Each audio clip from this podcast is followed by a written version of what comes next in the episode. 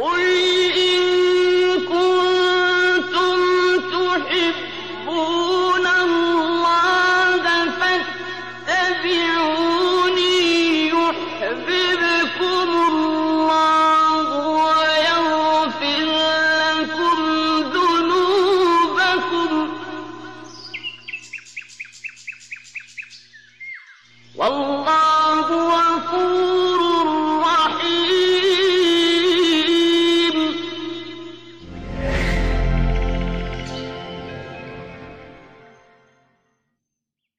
Bismillahirrahmanirrahim.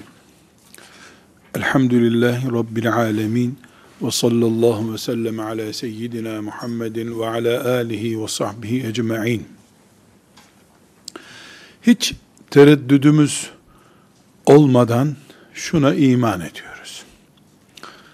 Şu yaşadığımız kainatta, içinde dünyamızın bulunduğu evrende, her şey, istisnasız, tek bir çakıl taşı, bir okyanusun altındaki küçük bir balık yumurtası da dahil, hiçbir istisnası olmadan, her şey Allah'ın planıyladır.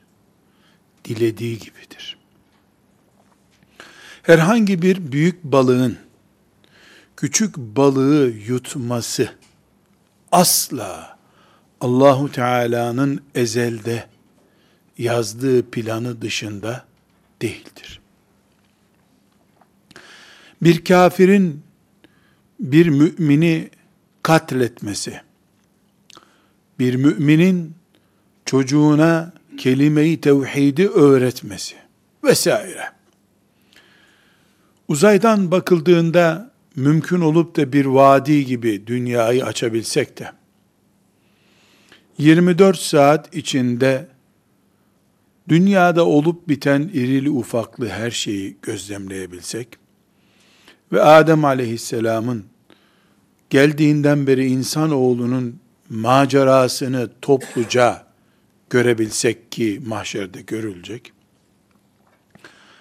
Yine diyeceğimiz cümle budur. Her şey Allah'ın istediği gibi, planladığı gibi ve hiçbir aksama olmadan yürüyor. Mesela filan peygamberin ümmeti tarafından öldürülmüş olması. Mesela Nuh aleyhisselama kavminin isyan etmesi. Mesela Uhud gazvesinde müşriklerin Resulullah sallallahu aleyhi ve sellem Efendimiz'e zarar vermesi. Resulullah sallallahu aleyhi ve sellemin mübarek çocuklarının kendi sağlığında vefat ederek onun üzülmesine neden olması. Güneş tutulması. Ay tutulması. Seller olması, depremler. Hiçbir şey. Bir çocuğun küçücük iki yaşında çocuğun dişleri yeni bittiği halde diş ağrısı çekmesi, küçük bir bebeğin bağırsağının düğümlendiği için ağrılar içerisinde kıvranıp durması, başka çocukların parklarda neşeli neşeli annelerinin kollarında oynaması, şu dünyada tek bir karınca, ve tek bir çocuk, tek bir fil, tek bir manda nefes alırken dahi Allahu Teala'nın planı dışında değil diye iman etmedikçe Kur'an'ımıza iman etmiş müminler olamayız.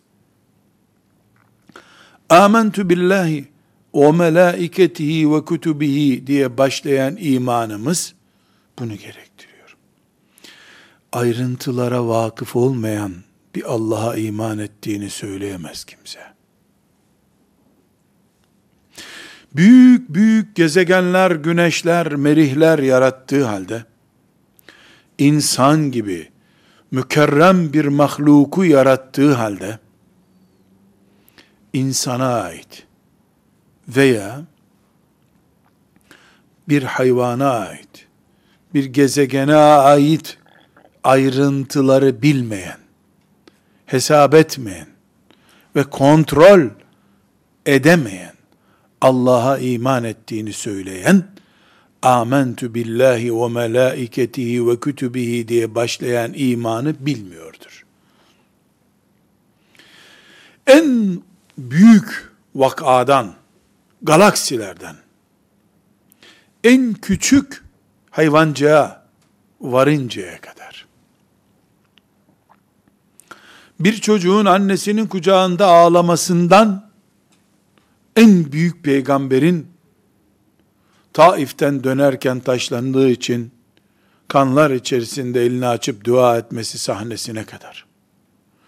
Yeryüzünde insan oğlunun etrafında veya ötesinde ne bulunursa bulunsun o Allah'ın planı iledir.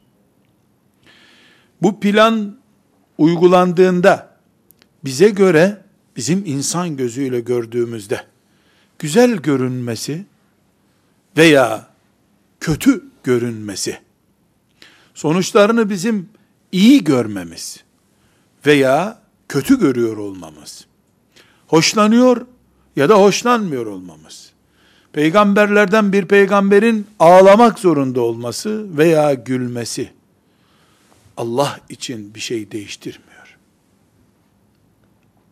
Gülen ve ağlayan insandır, Allah değildir. İyiden ve kötülende, kötüden insan etkilenir, hayvan etkilenir. Haşa Allah etkilenmez. Seller insanın evini basar. Yangın insanın evini yakar. Deprem insanı sallar. Allah'a bir şey olmaz. O sahibidir her şeyin. Malikidir. Varlıkken de maliktir. Yokluk iken de bu saydığımız şeyler yine malik Allah'tır Celle Celaluhu. İman tazeliyoruz. Allah'a imanımız isim saymakla geçiştirilebilecek bir iman değildir. Eğer amentu billahi ve melaiketihi ve kütübihi ve rusulihi vel yevmil ahiri diye iman ettiğimiz ve bil kaderi hayrihi ve şerrihi diye saydığımız iman esaslarımız saymakla geçiştirilirse o zaman bir peygamberin destereyle ikiye bölünüş sahnesine anlam veremeyiz bu dünyada. En sevdiği kulunu niye kestirdi Allah deriz. Biz bir bebeğin özürlü doğmasını planlama hatası görürüz. Maazallah. Maazallah. Kul, fani, beşer, içi bağırsak dolu, kolu kaslardan oluşan, beyni sulu ve cıvık etten olan, insan olduğumuzu unutup, bize ait hiçbir nakısaya sahip olmayan, Subhanallah diyerek her şeyden tenzih ettiğimiz, nakısalardan, eksikliklerden tenzih ettiğimiz Allahu Teala'yı karşılaştırmaya kalkarız o zaman. İsim saymaktan ibaret zannedersek imanı. Halbuki iman, bu saydığımız özellikleriyle Allah'a iman etmektir. Kullarıyız. Hayvanlar mahlukatıdır onun. Mahlukatı, kulları üzerinden Allah değerlendirildiğinde, iman edilen Allah değil, insan süzgecinden geçirilerek oluşturulmuş bir tanrı icat ederiz biz. Tanrısına iman eden cennete girmiyor. Allah'a iman eden, Subhanallah denerek, bütün noksanlıklardan tenzih edilen Allah'a iman edildiğinde, karşılığı cennet olan bir iman gerçekleşmiş olur. Elhamdülillah. Budur imanımız. Ve inşaallahu teala bu imanımızı sürekli büyüterek, sürekli takviye ederek ruhumuzu mümin olarak teslim etmek istiyoruz.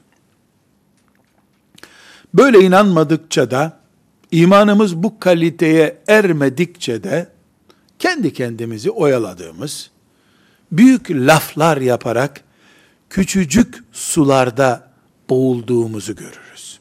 Laf büyük, boğulduğun dere küçücük bir fitne, küçücük bir tuzak.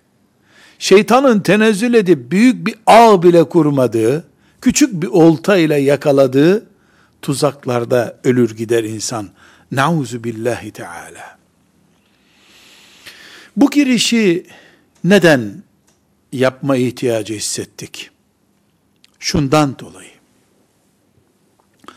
Allahu Teala'nın bir planı var dedik. Bu planı biz sürekli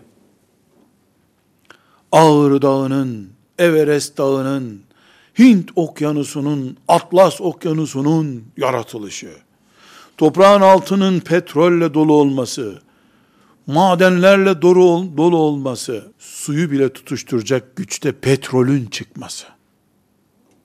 Bir mucize, büyük bir plan şüphesiz.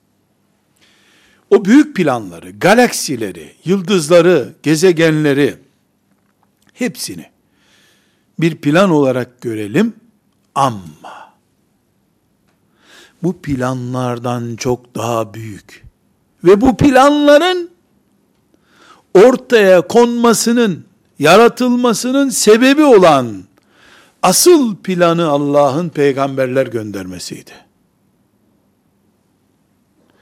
O planı anlamak zorundayız ki okyanusun su dolu zemininin bin metre altından her şeyi tutuşturacak bir petrolü niye çıkartırıyor Allah bize?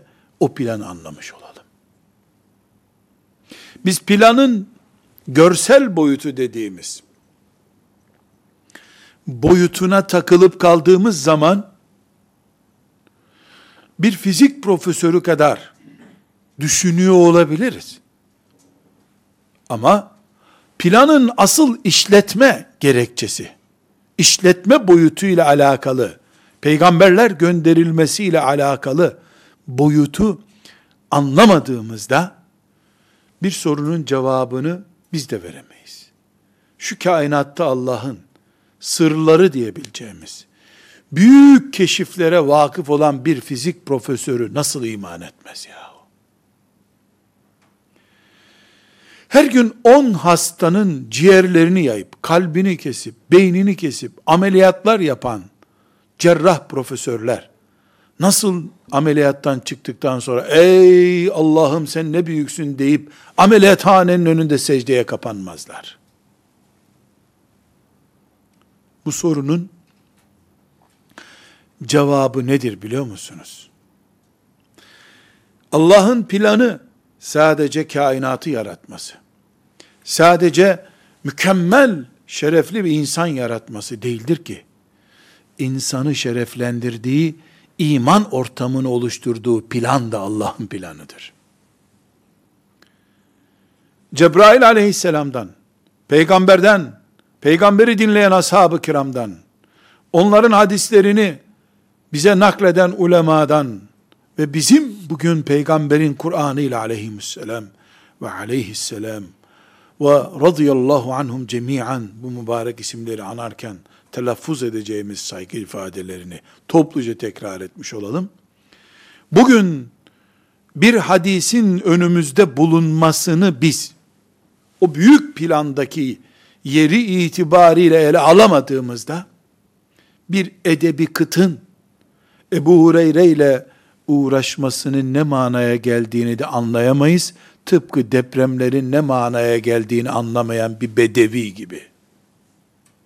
Biz Allah'ın kudretini depremle ölçeriz de, camiler yıkan, minareler yıkan, camilerde sabah namazı kılarken bir depremde ölüp giden insanlara Allahu Ekber ne büyüktür Allah deriz, bir hikmet oluştururuz da, bu güzelim dünyayı, bu bağları, bahçeleri, kendi yarattığı dereleri, ırmakları, su vadilerini Allah bir depremle niye yıkıyor diye sorulduğunda Allah, Allahu Ekber, Allahu Ekber sorulmaz bunlar.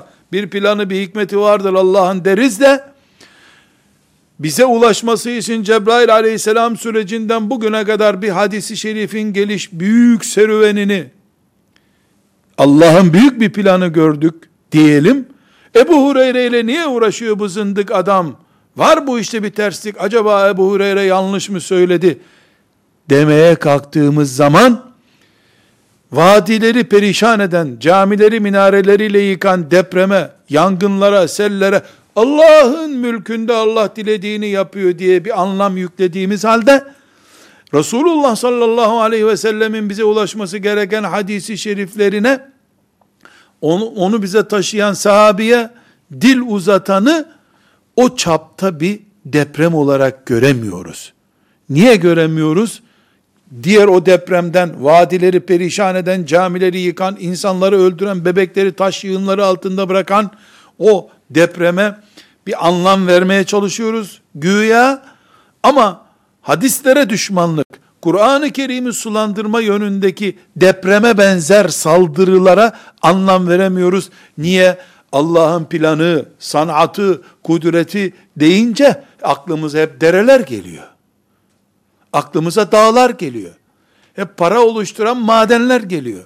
Halbuki Allah'ın planı dediğimizde galaksilerden bir galaksiyi bilmem ne ışın yılıyla bize asırlardır gelmeye çalışan filan yıldızı Allah'ın kudreti ve planı olarak gördüğümüz gibi insanın yaratılmasını Allah'ın büyük planı olarak gördüğümüz gibi kal Allah Allah dedi ki diye bir ayetin bize ulaşmasını Allah'ın peygamberi buyurdu ki diye bir hadisin bize ulaşmasını da bir galaksideki filan yıldızın bilmem ne ışık hızıyla filan asırdan beri bize ulaştığı halde hala güneş sistemimize yaklaşamadı der gibi hadisin bize yaklaşmasını, bizim hadise yaklaşmamızı da bir planı olarak Allah'ın göremediğimiz için Ebu Hureyre ile niçin uğraşıldığını, fay hattının Ebu Hureyre'ye niye tesadüf ettiğini radıyallahu anh anlayamayız. Çünkü biz fay hattı yani deprem zemini üzerinde bulunmayı sadece üstünde oturduğumuz, istifade ettiğimiz evlerimiz olarak görüyoruz. Hayatı evimizden ibaret algılıyoruz da musluğumuzdan akan suyu Allah'ın büyük kudreti olarak gördüğümüz halde kulaklarımıza akan hadisi şerifleri Allah'ın kudretinin muhteşem bir örneği olarak göremiyoruz. Yahu şu barajda biriken su toprağın neresinden çıktı geldi işte İstanbul'un terkozundan akan su kaç kilometre borulardan bize taşınıyor. Allahu Ekber, Allahu Ekber. Ne büyük mucize bu diye kürsülerden Müslümanlara vaaz edenler bin bir kıtlığa rağmen kalemin, defterin, hiçbir şeyin kayıt cihazının bulunmadığı bir zamanda unutulmadan tek bir kelimesinin dahi Kur'an'ın bize akmasının Resulullah sallallahu aleyhi ve sellemin binlerce sözünün sanki biz onun yanındaymış gibi saf ve şeffaf bir şekilde bize ulaştırılmasının en azından, en azından ama Terkos Gölü'ndeki suyun borularla evimizde akması kadar büyük bir mucize olarak göremeyip Allah'ın bunu biz babamız Adem yaratılmadan önce planladığını bize İstanbul'un göbeğinde, apartmanların ortasında, kablosu bile olmayan bir cihazdan, Bukhari'nin, Müslim'in, Taberi tefsirinin, Kur'an'ımızın farklı kıraatlerinin bile bize ulaşacağını Allah'ın planladığını niye düşünmeyelim? Ebu Hureyre'nin yaratılması Allah için, dağların Everest'in yaratılmasından daha mı zor sanki? Zor mu Allah için ki daha zor veya daha kolay olsun? Mucize deyince neden derelerin akmasını görüyoruz da hadislerin, ayetlerin akmasını görmüyoruz?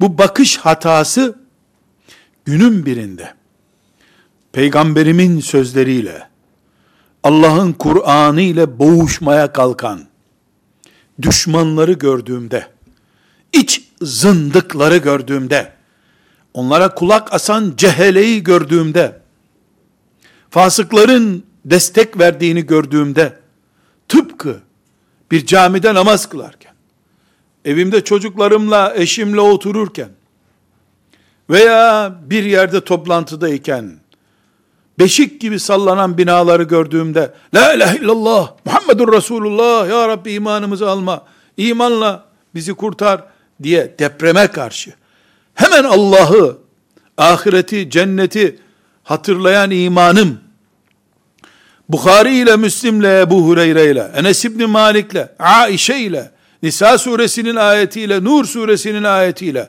Bakara suresinin ayetiyle, kafirce veya zındıkça uğraşıldığını gördüğümde, neden La ilahe illallah, Muhammedur Resulullah demeyeyim? Neden Aişe ile radıyallahu anha uğraşıldığında Hâdâ buhtanun azim.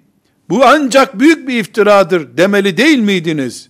diye Allahu Teala bizi ikaz ettiği gibi. Şimdi Aişe'nin hadisleriyle uğraşıldığında dinimin iffeti olarak gördüğüm, ibadetlerimin esası olarak gördüğüm hadislerle, Allah'ın kitabının ayetleriyle, zındıkça veya kafirce uğraşılırken, neden? Subhanallah, Subhanallah, Allah'ımın planları, Everest tepesi, Ağrı tepesi, Erciyes tepesinin planındaki ciddiyet kadar, aynı planın kudreti Allah'ın bize Kur'an ulaştırmasında da vardır.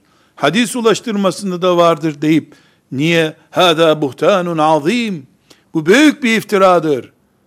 Bu büyük bir iftiradır. Aişe radıyallahu anhanın iffetine iftirada iftiradır. Bize ulaştırdığı hadisine iftirada iftiradır. Niye diyemiyoruz? Çünkü sevgili alimlerimiz, hadis okuyan İmam Hatip Lisesi'nde, hadis dersine giren, medresede, Muhtarul Hadis okuyan, Cami'ü Sagir okuyan, eline o kitabı aldığında Ağrı Dağı'nı kucağına almış gibi, ey Allah'ım, bunu bana sen nasıl akıttın böyle? Yerin binlerce metre derinliğinden petrol akıtan Allah, çöllerden, ıssız çöllerden, kurtların bile dolaşmadığı çöllerden, yol alarak Bukhari'nin, San'ani'nin, İbn Ebi Şeybe'nin, Malik bin Enes'in, çöllerde yol yürüyerek, medreselerde göz nuru akıtarak, bu mübarek hadisleri bana ulaştıran Allah'ım, bana tanklar dolusu, tankerler dolusu, petrol ulaştırdığında, ey Allah'ım, bunu toprağın altında bize yakıt olarak sen çıkarmışsın. Ne büyüksün Allah'ım dediğim gibi, bir petrol mühendisinin petrol bulduğunda sevindiği gibi, bir talebe, Bukhari'yi, Cami'ü Sagir'i, Musannefi elinde gördüğünde, ey Allah'ım bu ne yahu, bu bana nerelerden ulaştı böyle, deyip, o gece uykusuz kalıyor mu? Hani filmlerde olur ya şimdi öyle bir şey kalmadı dünyada.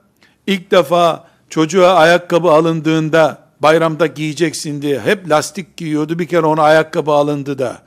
O ayakkabısını yatağına koyup, yastığının kenarına koyup, onları öpecek şekilde uyuyup kalır ya çocuk hani ilk defa iskarpin ayakkabı aldığı için. Fakirliğin adı kaldı artık dünyada da bunu nasıl anlatacağımı bilemiyorum şimdi. Eskimesin ayakkabım diye bayram, bayramlık ayakkabısını da giymez ya fakir çocuk hani. Sevincinden. İlahiyat fakültesinde okuyan talebeye sana bir Bukhari hediye edeyim dendiğinde Sahih Bukhari'nin orijinal nüshasını aldığı için günlerce uyuyamadığı olmazsa eğer petrol mühendisi aylardır çalışıyoruz petrol bulduk diye sevindiği gibi ya Rabbi Bukhari'nin nusasına ulaştım ben muvatta var benim evimde diye sevinmezse Allah da bir zındıkı, fasıkı gönderir. Senin aslında onu gördüğün için uykusuz kalacağın o mübarek kitabı itham eder. Bunda uydurma vardır. Popülerist cümlelerle dolu bu der. Bunu Emeviler dizdi der. Abbasiler şişirdi der. Sen de inanırsın. Kitabın yazılma tarihi hicretin 290. senesi. Hicretin 9. asrında Osmanlılar uydurdu bunu der. O kıt akla ondan daha kıt biri acaba diye bakar o zaman. Biz gerçek mümini kim görüyoruz? Evinde çeşmesini açınca akan suyu ey Allah'ım be. Sen bunu Erciyes'in eteklerinden İstanbul'a gönderdin ya Rabbi. Bu ne sudur yahu? Filan firmanın suyu Bursa dağından çıkmış. İstanbul'da bardağa döküp içiyoruz. Ne büyük Allah'ımız var bizim. Elbette öyle. Bu haşa. Subhanallah. Bu küçük bir şey değil. Bursa'da, Uludağ'da çıkan bir suyu İstanbul'da maden suyu olarak içmek. Bu basit bir şey mi ya? Ama Medine-i Münevvere'de 1450 sene önce söylenmiş bir sözü bugün sen Resulullah'tan dinliyor gibi aleyhissalatü vesselam heyecanla bakaya olman sana Bursa Uludağ'dan bir bardak suyun ayağına gelmesinden daha küçük bir mucize mi? Su borularla geldi de mikrop kapmadan bardakla, şişeyle geldi.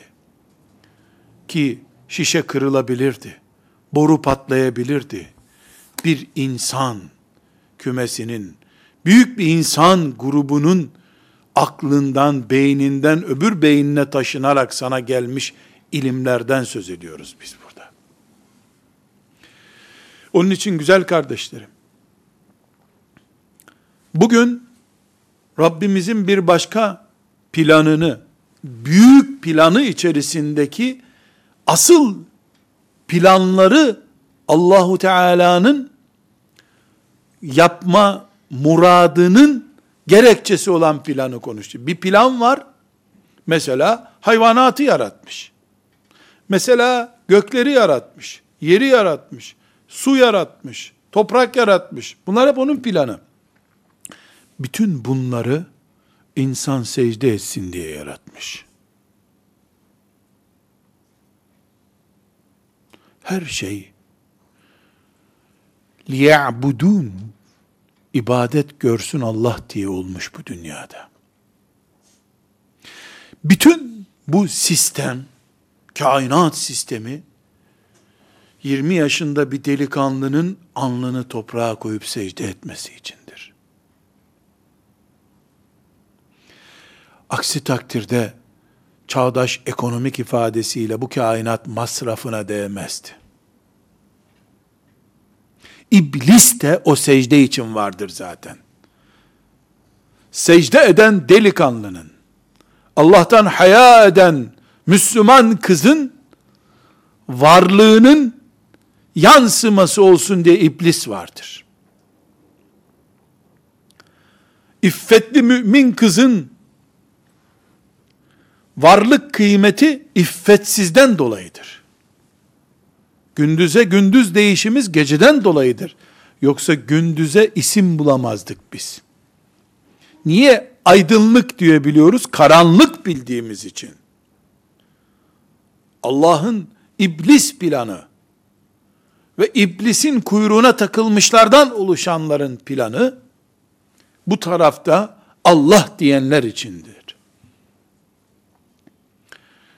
Bunu bu büyük planın varlığını asıl bir bölümü için Allah ortaya koydu diyoruz. O bölüm nedir? İnsanın kulluğudur. O kulluk nasıl işliyor 2018 yılında? 2018 yılında yaşayan Müslümanlar olarak Rabbim lütfederse o günü görürsek 2038 yılında. Eğer dünyanın kaderi varsa 2118 yılında. Bu plan nasıl işliyor? Bakalım. Bir, Allah Celle Celaluhu bu büyük kainatı yaratmayı dilemiş ama gerekçe olarak da kul görmeyi istediği için yaratmış. En büyük ışık hızıyla yürüyen filan gezegenden küçücük bir susam tanesine kadar bu dünyada bu planın parçası. Susamlar hariç, susam hariç, filan pis böcek, gübre böceği de hariç diyenin imanı olmaz maazallah. Allah'tan başkası bir şey yaratmaz çünkü. Ve haşa planı dışında bir şey yaratılmasına da izin vermez Allah Celle Celaluhu. Bu büyük planı yaratmayı murad etmiş. Kulluk görmek istediği için de dünyada insana kulluğunun ne olduğunu öğretmeyi murad etmiş. Bunun için sayısını sadece kendisinin bildiği, milyar, trilyon, katrilyon ve benim telaffuz etmeyi beceremeyeceğim sayıdaki melekleri içinden Cebrail isimli bir meleğini seçmiş. Onu kendisinin planladığı plan ne ise bunun o murad ettiği insanın kulluğunun tanıtılması ile ilgili bilgi donanımını Cebrail'e yüklemiş. Bu yüklemiş kelimesi kitaplarımızdaki ifadeye uygun değil ama şimdiki teknik anlatım böyle. Onun için söylüyorum. Cebrail'e yüklemiş. Cebrail bunu hangi dönem için inecekse dünyaya o dönemin peygamberine yüklemiş. En sonda bizim peygamberimiz Muhammed sallallahu aleyhi ve selleme yüklemiş. Önceki peygamberlere bir kere de yükleme yapmış Cebrail. Bizim peygamberimize de 23 yıla dağıtılmış bir süre içerisinde yapmış. Kah kitap getirmiş. Kah bilgi getirmiş sadece. Kah talimatlar getirmiş. Bizim peygamberimize sallallahu aleyhi ve sellem hem kitap getirmiş, hem ilhamlar indirmiş, hem talimatlar getirmiş, uyarılar getirmiş. Burada Allah'ın planında bu noktaları adım adım izliyoruz. Cebrail bir numaralı basamak, kademe. Bu işletme mantığında. Cebrail'in vazifesine Allah'tan insan düzeyine indirme. Çünkü insan beşer, etten, kemikten, kastan, ilikten, kandan yaratılmış. Allahu Teala'ya direkt muhatap olması mümkün değil. Allahu Teala meleğine muhatap olup Cebrail'i teşrif edip bu konuda Cebrail birinci misyonu almış. Nedir o? Allah ile insan arasında köprü olmak. Cebrail'in bu konuda negatif bir durumu hiç yok. Çünkü Cebrail veya bir melek hangisi olursa olsun Allah'ın ona murad ettiği şeyin ötesine gidemez. Aykırısını da yapmaz, yapamaz. Varlıkları buna müsait değil. Cebrail aleyhisselam bu getirdiği şeyleri peygamberlere yüklemiş. Eski peygamberleri bir kenarda bırakalım. Bizim peygamberimiz sallallahu aleyhi ve selleme yükleme yaptı. Kur'an yükledi. Ve Kur'an'ı insan düzeyinde açıklayacağı ek bilgiler yükledi. Bu ek bilgiler ve Kur'an'la beraber Peygamber sallallahu aleyhi ve sellem bu büyük planda Allah'la insanı buluşturan canlı bir nesne olarak karşımıza çıktı. İkinci görevli. Peygamber sallallahu aleyhi ve sellemin misyonu göklerle yeri buluşturan bir iletişim kablosu gibi misyondur. İnsan olarak biz Allah'ın ne istediğini, ne emrettiğini, ne yasakladığını ona bakıp öğreneceğiz. Öğrendik. Kıyamete kadar da böyle olacak. Burada tekrar Cebrail'e döndüğümüzde bu plandan Cebrail'i kaldırdığında peygamber yalancı duruma düşer. Haşa. Peygamberi kaldırdığında Cebrail boşlukta kalır. Hangisini takdir edersen et, Allah'ın muradı gerçekleşmez. Bir şey planladı Allah ve o plan boşluğa çıktı olur. Bu da biz niye iman ettik ki diye bir soru çıkarır karşımıza. Cebrail peygamber aleyhisselam peki bunlar Cebrail görevini ifa etti. Peygamber aleyhisselam görevini ifa etti. Nerede? İleride keşfedilmek üzere bir mağaraya mı gizledi Peygamber sallallahu aleyhi ve sellem birikimini, Allah'tan aldıklarını? Hayır. Böyle şey olur mu? Ne oldu peki? O da üçüncü tabakayı devreye soktu. Kimdir üçüncü tabaka? Onun ilk dinleyenleri, ilk talebeleri, ilk iman edenleri, ilk dostları, ilk destekçileri, kim diyorsanız, ashab-ı kiram. Radıyallahu anhum cemiyen. Ebu Bekir'inden vahşisine kadar. Radıyallahu anhum cemiyen. Allah Cebrail'de melek standartlarında hitap oldu, hitap etti, seslendi. Melek Cebrail insanlaştı peygamberde aleyhissalatü vesselam. Peygamber Cebrail'den ona seslenen mesajı kendisi gibi bir anneden doğmuş nesle taşıdı. Dolayısıyla Allah'ın planı yani kıyamete kadar herkesin secde eden mümin olma planı, muradı, projesi ashab-ı kiramda tecelli etti. Gerçekleşti. Adem aleyhisselamdan beri de gelen süreç, on binlerce peygamberle işletilen süreç, bunun içindi zaten. Bu sebeple Allah, murad ettiği gibi, son peygamberi olan Muhammed Aleyhisselam'ın etrafındaki ashabı kiram ile, murad ettiği, planladığı şey gerçekleşince, radıyallahu anhum dedi Allah. Ne demek radıyallahu anhum? Ashab-ı kiramı göstererek Allah bunlardan memnun oldu dedi. Neden? Adem aleyhisselamdan beri Allah'ın yarattığı insanın büyümesinin, gelmesini murad ettiği noktası oydu.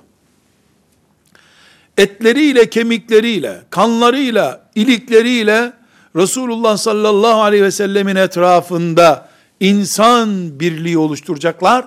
Beyinleri olduğu gibi Resulullah sallallahu aleyhi ve selleme oradan da Allah'a teslim edilmiş olacak.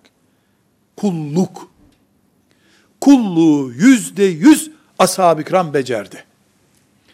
Hiçbir insan bu dünyada kitlesel olarak bakıldığında ashab-ı kiram Müslümanlıkta yüzde sıfır onda bir oranında eksiktiler diyemez. Niye diyemez? Allah tamam kabul ettim buyurdu çünkü. Allah kabul ettim dedikten sonra kim çıkıp da ashab-ı kiramın Müslümanlığı yüzde sıfır onda sıfır sıfır filan rakamda düşüktü diyecek. Allah'tan daha iyi bilen biri olması lazım o. Kulluk Allah için yapılıyor. Evet veya hayır iyi ya da kötü diyecek olan Allah'tır Celle Celaluhu. Dolayısıyla Allah'ın murad ettiği şey Cebrail'e intikal ettiğinde, Cebrail'den eksiksiz ve sorunsuz bir şekilde Muhammed Aleyhisselam'ın yüreğine taşındı. Muhammed Aleyhisselam'ın yüreğinden hiçbir arıza ve eksik olmadan ashab-ı kiramın yüreklerine taşındı. Neden hiçbir arıza yok diyoruz? El yevme ekmeltu lekum dinekum ve etmemtu aleykum ni'meti ve raditu lekumul İslam dina.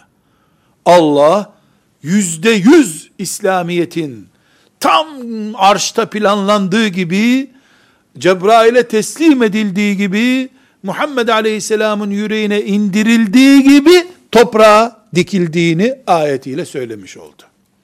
İşletme hatası veya işletmedeki yeni planlanamayan sorunlar şeklinde bir şey asla olmadı. Asla olmadı. Dolayısıyla ashab-ı kiram yüzde yüz arş-ı ala ile buluştular. Osman'ın, Ali'nin elinde Allah'ın murad ettiği şey vardı. Ali'nin şecaatini konuşurken, Ali'nin şeriatın, ilim medeniyetinin kapısı olduğunu konuşurken biz, yüzde yüz Allahu Teala'nın yeryüzünde görmeyi murad ettiği şeyin gerçekleştiğini söylemiş oluyoruz. Ashab-ı kiram eğer mesela Mescidi Nebi'ye çekilip bu dini yüzde yüz gözyaşlarıyla, namazla, Kur'an okuyarak, mevlütler okuyarak yaşayacağız deselerdi, hain olurlardı. Allah'ın emanetini yolda bırakmış olurlardı. Haşa!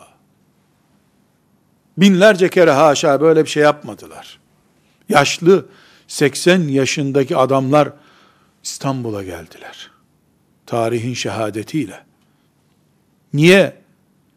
Çünkü Allah'ın Cebrail'e biçtiği rol sorunsuzdu. Peygamberine biçtiği rol sorunsuzdu. Sahabenin sorunsuz olarak bu rolü oynamaları lazımdı. Ne rolü peki? Onların kulluk sınavı sadece Mescid-i Nebi'de namaz kılmak değildi. Ramazanda oruç tutmak değil, itikaf etmek değildi. Yeryüzünün imar edilmesi, yeryüzünün ağaçlarının ve dağlarının Allah'a teslim olması gerekiyordu. İnsanın secde etmesi gerekiyordu. Bunun için omuzlarına aldıkları bu yükü bütün dünyanın ma'mur bölgelerine taşımayı cihat gördüler.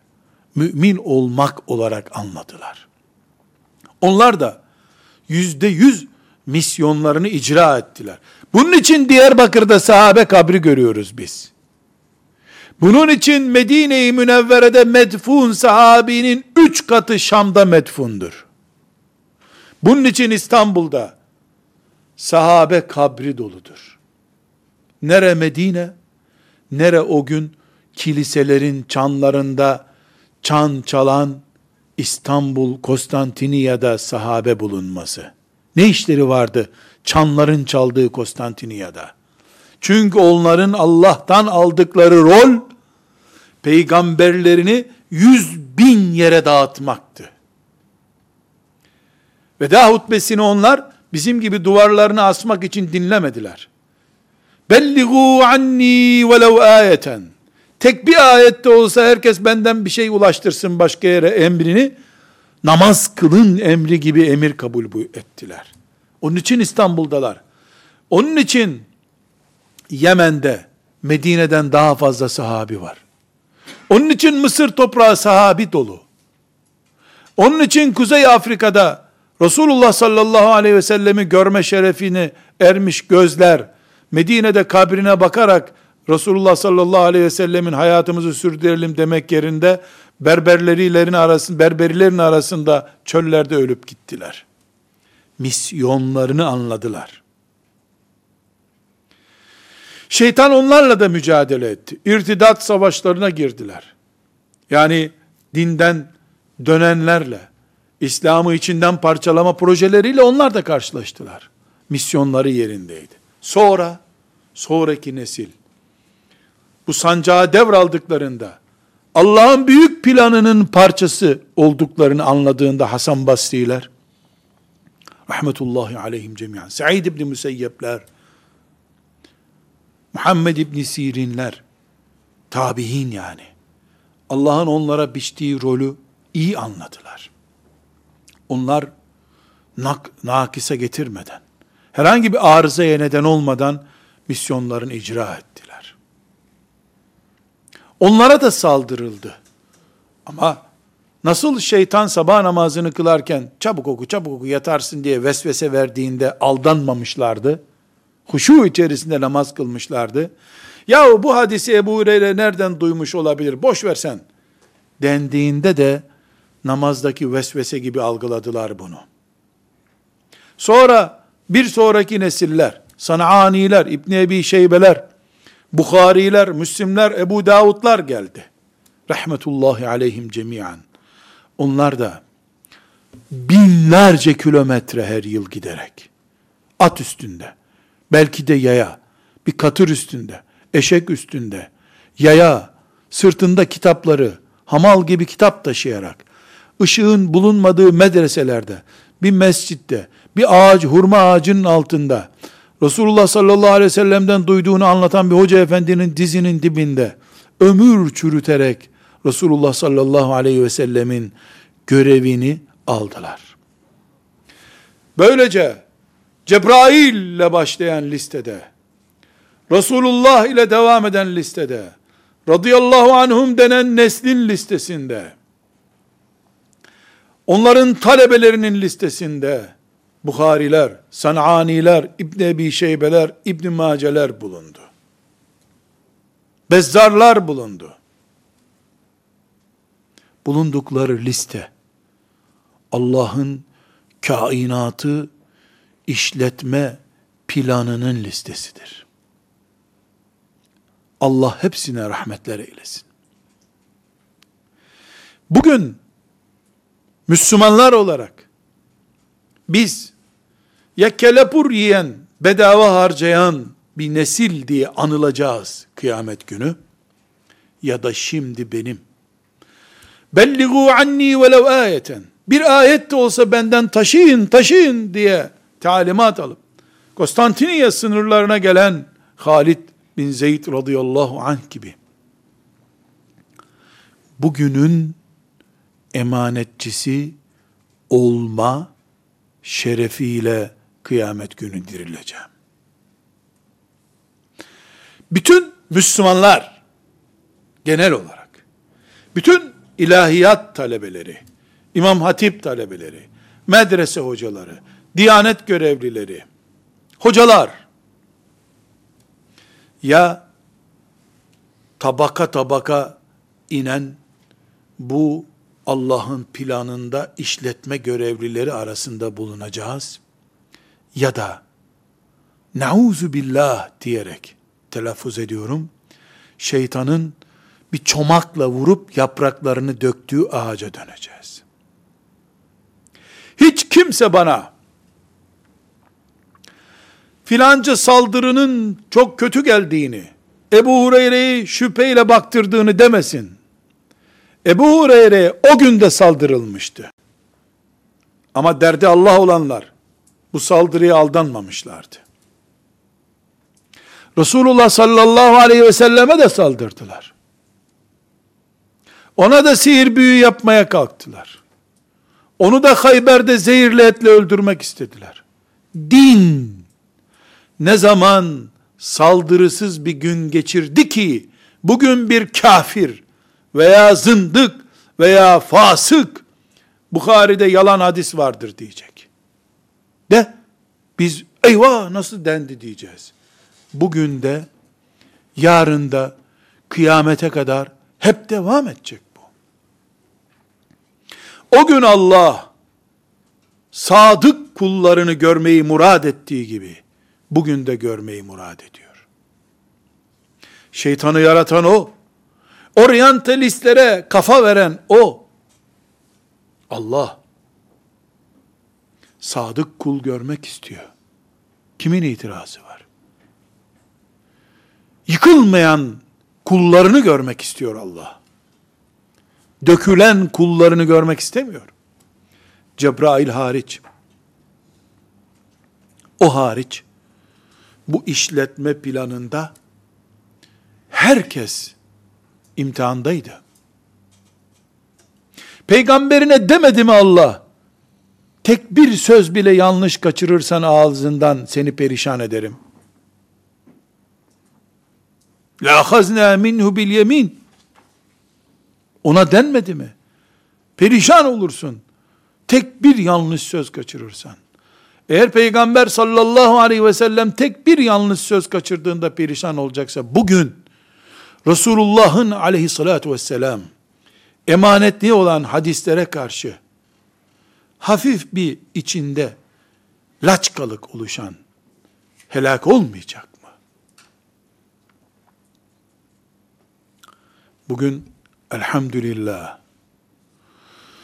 dağlardaki suyun bardaklanıp ya da borularla mutfağımıza geldiği gibi çöller aşarak, dağlar aşarak, kıtalar ve medeniyetler devirerek Resulullah sallallahu aleyhi ve sellemin hadisleri de bize ulaşmıştır.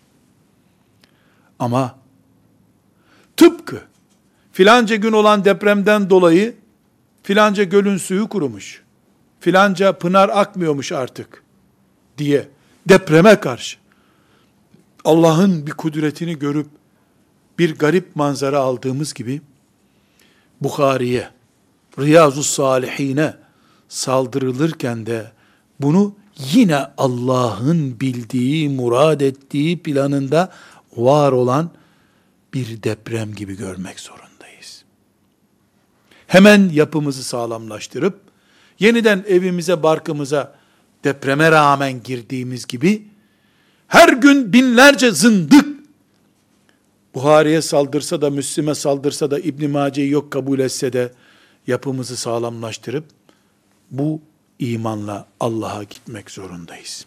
Velhamdülillahi Rabbil Alemin.